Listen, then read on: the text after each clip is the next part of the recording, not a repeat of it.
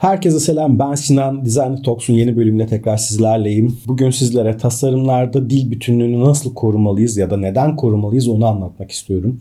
Şimdi tasarımlarda dil bütünlüğü dediğimizde neyi kastediyorum birazcık onu açayım. Günümüzde sosyal medya üzerinde birçok farklı platform var. Facebook'u, Instagram'ı, Twitter'ı, TikTok'u, Pinterest'i, Google'ı. Onun haricinde yeni gelen yerler Snapchat'tir, YouTube'dur. Aklınıza gelecek bir sürü platform var ve bu platformların her biri içerisinde de farklı görsel şablonları var kare kullanımlar, dikey kullanımlar, yatay 16'ya 9 kullanımlar ve bunların sayıları giderek artıyor. Çünkü sadece sosyal medya ile kalmıyor bu işler. Web site tarafı var. Web sitesindeki farklı banner ölçüleri, farklı sayfaların landinglerindeki hero image'lar ya da slider görselleri, gazeteler, dergiler, TV reklamları, billboardlar, broşürler aklınıza gelebilecek basılı olarak reklam ya da grafik çalışmaların kullanıldığı her yer aslında farklı bir platform oluyor. Bizim de tasarımcılar olarak bu farklı platformlarda yaptığımız tasarımın dil bütünlüğünü korumamız gerekiyor. Yani bu ne demek? Özellikle bir marka ile çalışıyorsanız ve markanın içeriğini yapıyorsanız yaptığınız içeriğin tüm platformlarda aynı mesajı vermesi ve tüketicinin kafasını karıştırmaması gerekiyor.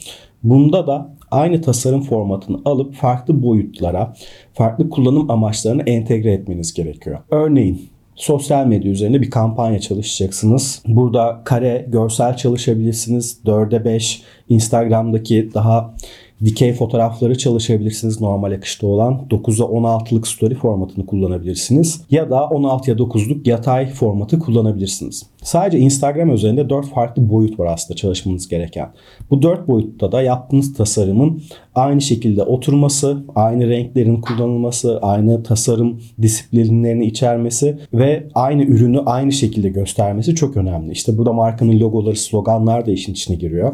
Bunların hepsini bu 4 farklı boyuta göre entegre etmeniz gerekebilir.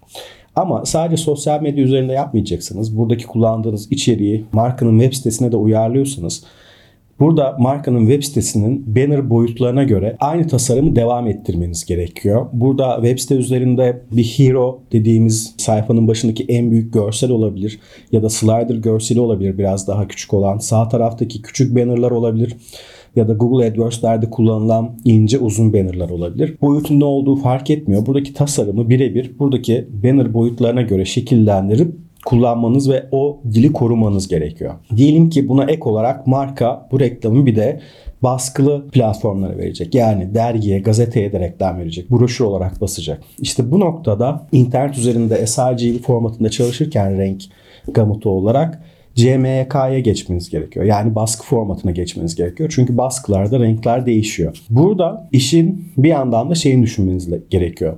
İnternet üzerindeki dijital cihazlarda gördüğünüz renklerle baskı tarafındaki renkler değişiyor. İşte sizin bunları da önden aslında planlamanız çok önemli. Çünkü sosyal medyada kullandığınız renklerle bir dergiye baskı için gönderdiğiniz renkler birbiriyle tutmayabilir. Özellikle çalıştığınız monitörler renk kalibrasyonlu değilse, profesyonel monitörlerde çalışmıyorsanız bu taraflarda sıkıntı yaşayabilirsiniz. Burada şu tür sorunlar bile yaşanabiliyor. Siz markanın renk kodunu birebir alıp tasarımınızda kullandığınızda buna bakan kişinin monitörü ya da cihazı doğru renk kalibrasyonuna sahip değilse bu benim rengim değil diyebiliyor ya da bu renk yanlış diyebiliyor. İşte burada monitörler ya da cihazlar bile devreye girerken işin bir de baskı süreci var. Burası bambaşka bir konuya evriliyor. O yüzden tasarımlarınızda eğer baskıya da iş yapacaksanız renk kalibrasyonu olan profesyonel monitör kullanmanız önemli. Şimdi ekstra bilgiyi geçtim. Tasarımda dil bütünlüğüne devam edeyim. Siz yaptığınız çalışmadaki sloganları, ürünleri aslında sadece tek bir boyuta göre indirgerek düşünürseniz diğer işte banner'dır ya da daha büyük A4, A5 gibi reklam için basılacak broşürlere ya da gazetelere göre düşünmezseniz sorunlar yaşamaya başlıyorsunuz. İşte burada mesela bazı ögeleri de tasarımlarınızdan çıkartmanız da gerekebiliyor. Özellikle müşteri belki size en başta dergi tasarımı için bir brief vermiştir. Siz A4 için yapmışsınızdır bu tasarımı. Sonrasında demiştir ki ya biz bunu sosyal medyada da çıkacağız. Siz şimdi A4 için kocaman alanda ürünü de çok güzel koydunuz. Slogan da şıkır şıkır durdu. İşte müşteri bir sürü ekstra küçük data istedi. Onları da eklediniz. E şimdi al bunu 1080'e 1080'lik bir kare posta uygula. İşte burada neleri gözden çıkartacağınızı, neleri aradan çıkartacağınızı belirlemeniz gerekiyor. Çünkü A4'de yapılan bir tasarımla 1080'e 1080'lik bir kanvasa yaptığınız tasarım aynı olmuyor.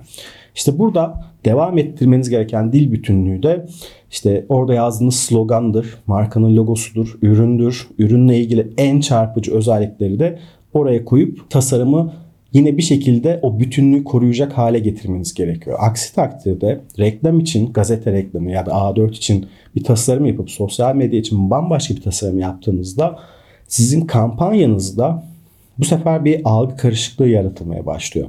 Şöyle düşünün siz dergide bir araba reklamı gördünüz. Baktınız ettiniz işte kırmızı renkli bir araba olsun. Markaları konuşmak istemiyorum çünkü. Sonrasında sosyal medyada aynı araba firması bir reklam vermiş ama başka bir araba modeli var ama kampanya fiyatı aynı. Orada başka bir şey yazıyor. Bu sefer siz algısal olarak şey oluyorsunuz ya diğer arabada kampanya yok muydu ya da bunda da mı vardı?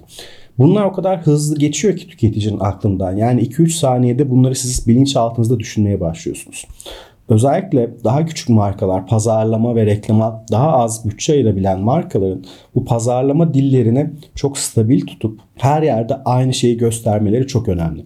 Çünkü sizin sıkabileceğiniz kurşun sayısı belli ve bu noktada bütün tasarım dillerinizi aynı tutarsanız tüm platformlarda tüketicilerin algısını korumanız çok daha kolaylaşır.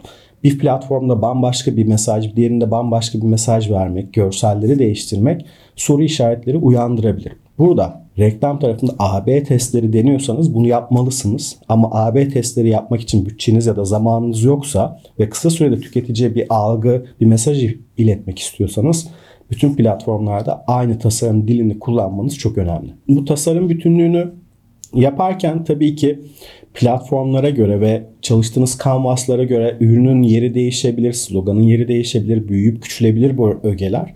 Bunlar çok fark etmiyor. Önemli olan yan yana koyulduğunda bütün bu tasarımların aynı mesajı aynı şekilde tüketiciye iletiyor olması.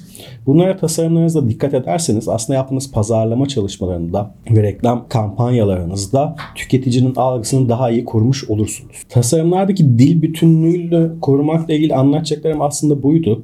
Eğer bu konuda sorularınız varsa, kafanızda soru işaretleri oluştuysa ya da anlamadığınız bir şeyler, daha detaylandırmamı istediğiniz bir şeyler varsa yorumlarda bana gönderirseniz sevinirim. Seve seve cevaplarım hepsini.